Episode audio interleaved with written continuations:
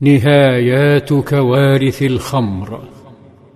ظلت الخمر تؤرق مجتمع الدولة الإسلامية ففي كارثة من كوارثها تسللت العنصرية لتعكر أعظم أخوة في التاريخ.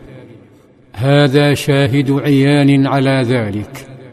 أنفه الذي ينزف يشهد على ذلك.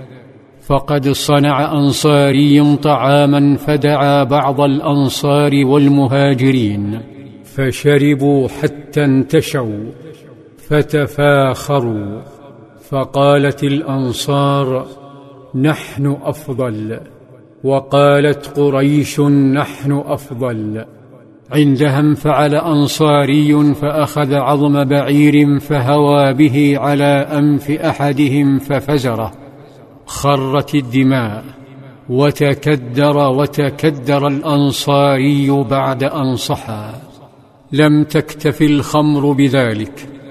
امتدت مخالبها المخيفة لتأخذ العقول إلى عالم الضياع إلى ساحات الثأر وأيام الجاهلية بين أبناء المدينة نفسها.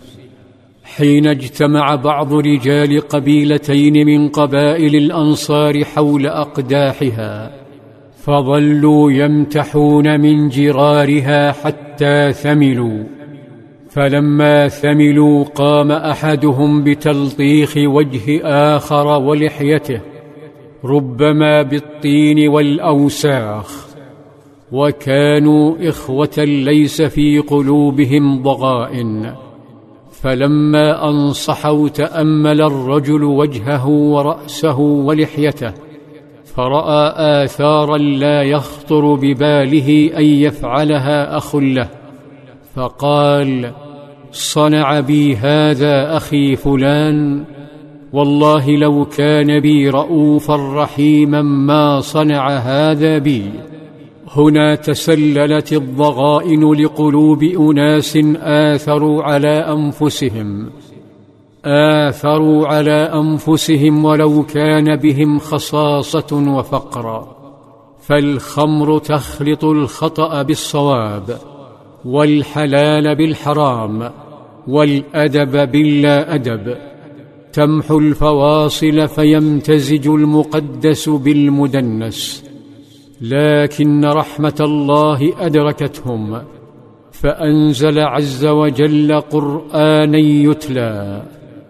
يا أيها الذين آمنوا إنما الخمر والميسر والأنصاب والأزلام رجس من عمل الشيطان فاجتنبوه لعلكم تفلحون.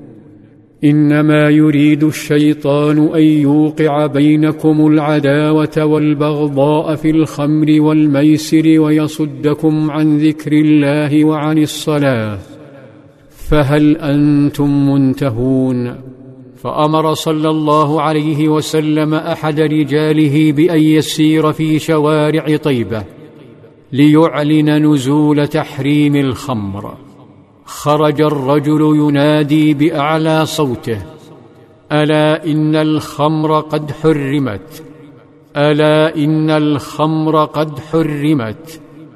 ظل ينادي ويسير وكلما نادى رأى الناس الخمر في الطرقات تسيل حتى مر ببيت أم سليم وفي بيتها حدثت قصة في الامتثال عجزت عنها كل الأمم ونجح فيها الإسلام. نجح فيها النبي القائد محمد صلى الله عليه وسلم.